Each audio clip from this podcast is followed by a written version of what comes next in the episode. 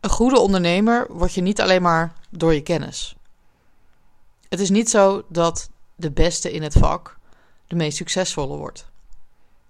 En dat klinkt misschien stom, maar ik geloof echt dat er heel veel ondernemers zijn die gewoon heel erg goed zijn in ondernemen. En er zullen ook heel veel ondernemers zijn die heel goed zijn in ondernemen, maar niet zo goed zijn in hun vak. Die zijn er ook. En als jij nou heel goed bent in wat je doet, maar je bent nog niet zo'n goede ondernemer, dan moet je dat leren. Ben je nog niet zo goed in marketing, dan moet je dat leren. Want dat zal er ook voor zorgen dat je sneller succes behaalt en dat je sneller jouw doel bereikt. Mocht je wat horen, mijn hond Willem, die loopt hier naast me. Die vindt het altijd heel leuk om bij mij te zijn in mijn kantoor als ik podcast aan het opnemen ben. En ik denk dus dat een groot deel van succes ook te maken heeft met jouw zelfvertrouwen en hoe jij jezelf online presenteert. Op dit moment ben ik mijn reis aan het uitzoeken uh, naar Bali, naar Indonesië. Ik ben drie jaar geleden voor het eerst naar Bali geweest. En dat was veel te kort. En ik wilde sowieso teruggaan. Maar toen kwam corona. Nou ja, we weten allemaal hoe dat is gegaan. Dus dat is allemaal niet doorgegaan. En mijn reisplannen die bleven gewoon een beetje in de kast hangen. Um, en sinds een paar weken, of sinds trouwens een week, is het weer open. Dus ik ben meteen aan de slag gegaan om alles te regelen. En ik vertrek over twee weken een maand lang naar Bali. En daar ga ik uh, wonen en leven en werken. Um, maar voornamelijk genieten, denk ik. Um, ik ga zeker ook werken. Dat is ook de bedoeling dat ik uh, online af en toe wat meetings heb met klanten. Um, want het kan. En dat is sowieso altijd mijn ding geweest. Als het kan, ga ik het gewoon doen. Ik ben ook een persoon die heel snel verveeld raakt. daarom ben ik denk ik zo goed in ondernemen. Omdat ik heel snel weer nieuwe dingen wil proberen. Op het moment dat het rustig is of dat het goed gaat. Dan denk ik, nou ja, ik ga gewoon weer wat nieuws doen wat spannend is. en toen ik begon met mijn bedrijf, heb ik binnen zes maanden heb ik alles op kunnen zetten. En toen wist ik ook nog niet alles. Ik denk sowieso dat niemand alles weet en dat dat ook helemaal niet je streven moet zijn om alles te weten. Um, hey, je kan het streven hebben om het beste in je vak te zijn. En misschien voel je dat helemaal niet en denk je misschien, uh, wat, wie ben ik nou en wat kom ik vertellen? En kijk, het, je moet heel even, moet ik wel duidelijk zeggen, dit is niet om te zeggen dat je maar zomaar een onderneming moet starten zonder dat je enige kennis hebt. Dat helemaal niet, uh, want daar sta ik echt niet achter. Ik zie heel veel ondernemers die hoppen van het ene naar het andere bedrijf, omdat ze denken dat ze daar veel, veel geld in kunnen verdienen. Um, en ik hoef dat eigenlijk ook helemaal niet te verantwoorden, want je ziet ook dat die mensen vaak niet verder komen omdat ze gewoon door de mand vallen en vaak ook redelijk snel. Er zal een enkeling zijn die er wel tussen zit die wel dat succes behaalt uh, zonder dat ze heel veel kennis hebben. Maar ik geloof er echt in dat het uiteindelijk altijd dat ze tegen de lamp aanlopen.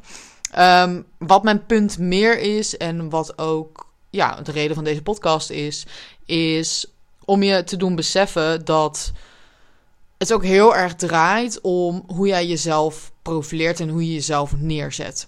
Wat ik namelijk heel veel zie, is dat er dus heel veel ondernemers zijn die echt heel erg goed zijn in hun vak. Maar die geen kaas hebben gegeten van marketing, van hoe ze zichzelf moeten neerzetten, die onzeker zijn hè, over hun uiterlijk, over hoe ze overkomen, um, dat het niet perfect is. Nou ja, ik verspreek me ook, net kwam ik er ook niet helemaal lekker uit. Um, maar we zijn allemaal mens. We zijn allemaal mens.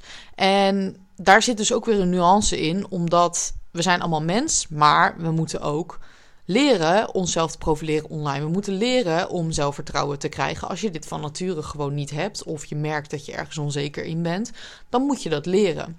En ik geloof er ook echt in, op het moment dat jij een doel hebt en je wilt iets bereiken, dan moet je daar iets voor opofferen en dan moet je daar je best voor doen.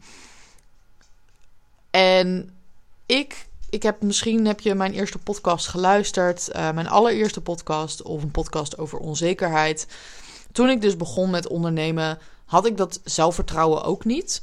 Maar heb ik wel geleerd om dat zelfvertrouwen te krijgen. Om anders naar mezelf te gaan kijken.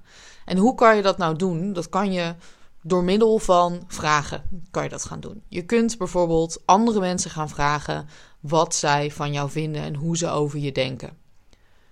En juist door dat soort vragen te stellen, ga je jezelf heel anders zien.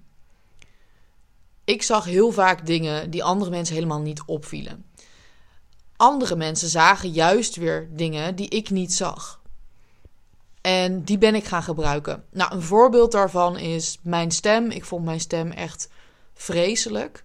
En toen ik dat terughoorde op video of in een podcast. Trouwens, ik had nog niet eens een podcast, want ik vond dat helemaal, helemaal ruk. Ik dacht, ja, uh, mijn stem, dat vindt niemand tof om naar te luisteren. Dus ik deed dat niet eens. Maar ik kreeg juist terug van mensen dat ze het fijn vonden om mij, naar mij te luisteren en dat ik dingen duidelijk uitlegde.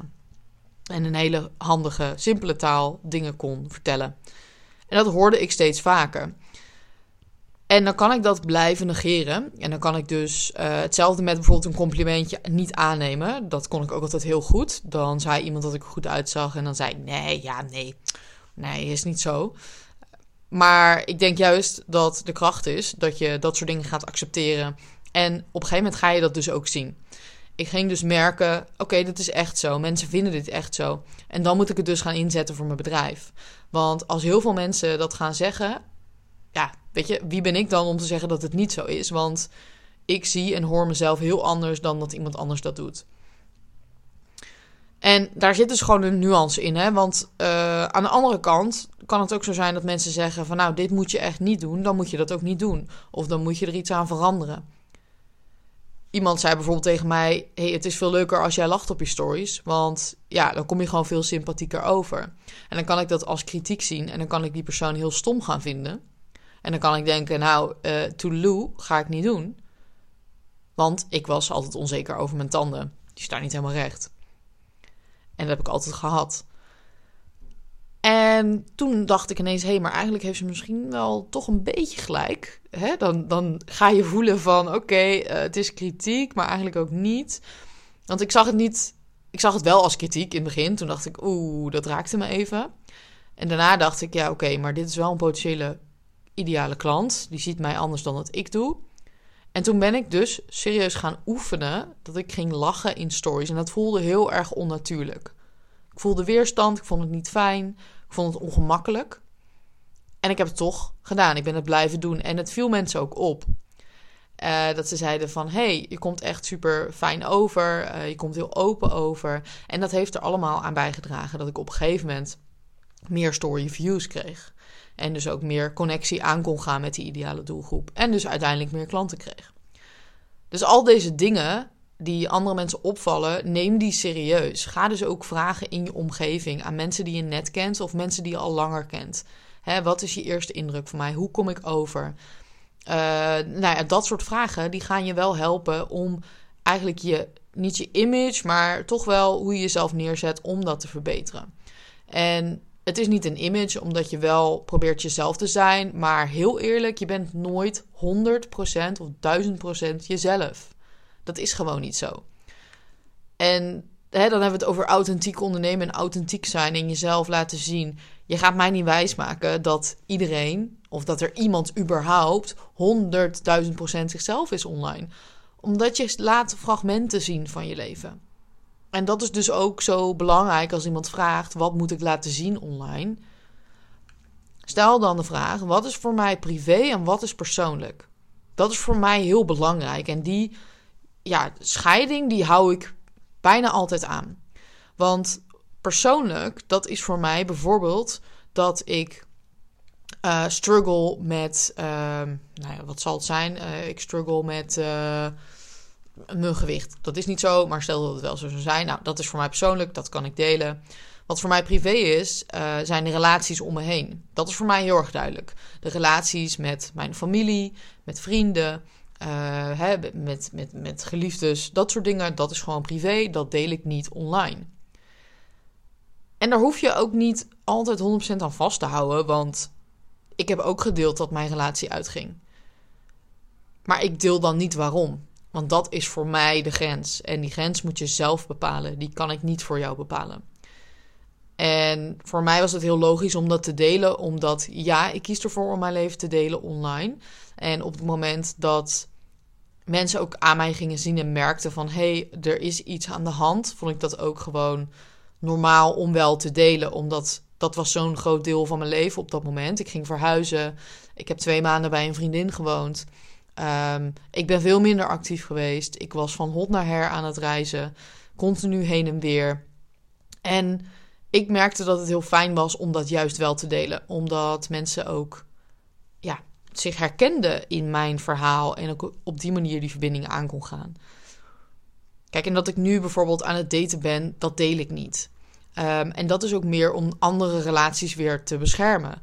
Hè, om mijn ex te beschermen. Allemaal dat soort dingen. Dat deel ik niet. Dus er is altijd uh, een grens die je kunt bewaken. Dus wees daar ook niet bang voor om te veel te delen. En denk ook altijd van: oké, wat is het allerergste wat er kan gebeuren? En dient het mijn publiek? Je bent namelijk interessant. Geloof dat ook.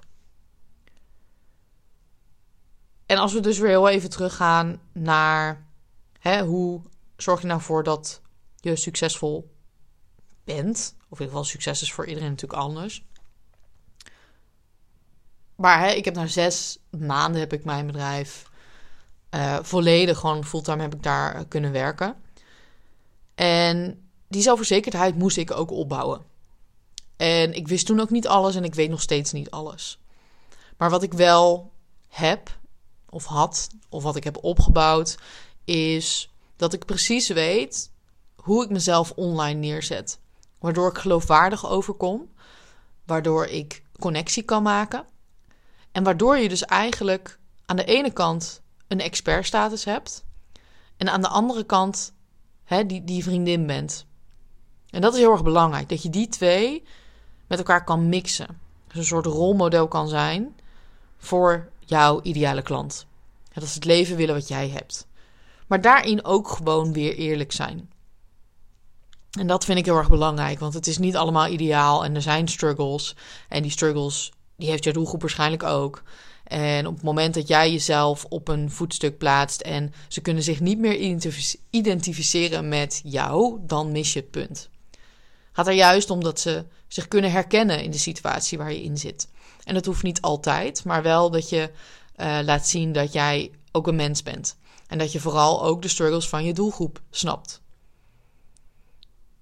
Wat er dus heel vaak misgaat als je heel veel kennis hebt, uh, je bent goed in je vak en je dus voelt van hé, hey, maar ik hoef mezelf niet te bewijzen. Nee, je hoeft jezelf niet te bewijzen.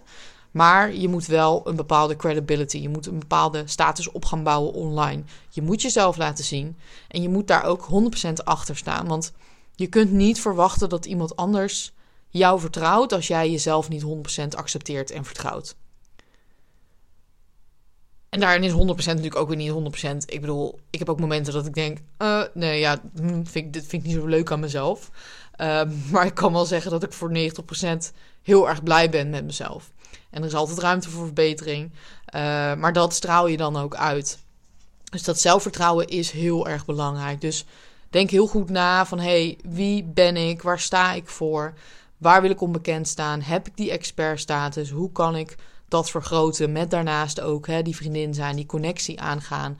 En ga in je omgeving vragen: hey, hoe zie je mij? Wat wil je van mij zien? Wat vind je fijn aan mij? Dat zijn hele belangrijke antwoorden en die moet je heel goed, heel goed opslaan en daar ook wat mee gaan doen. Dus ik ben heel benieuwd of je dit wel eens hebt gedaan. Um, en of je dit gaat doen en wat eruit komt. En of je een inzicht hebt gekregen door dit verhaal.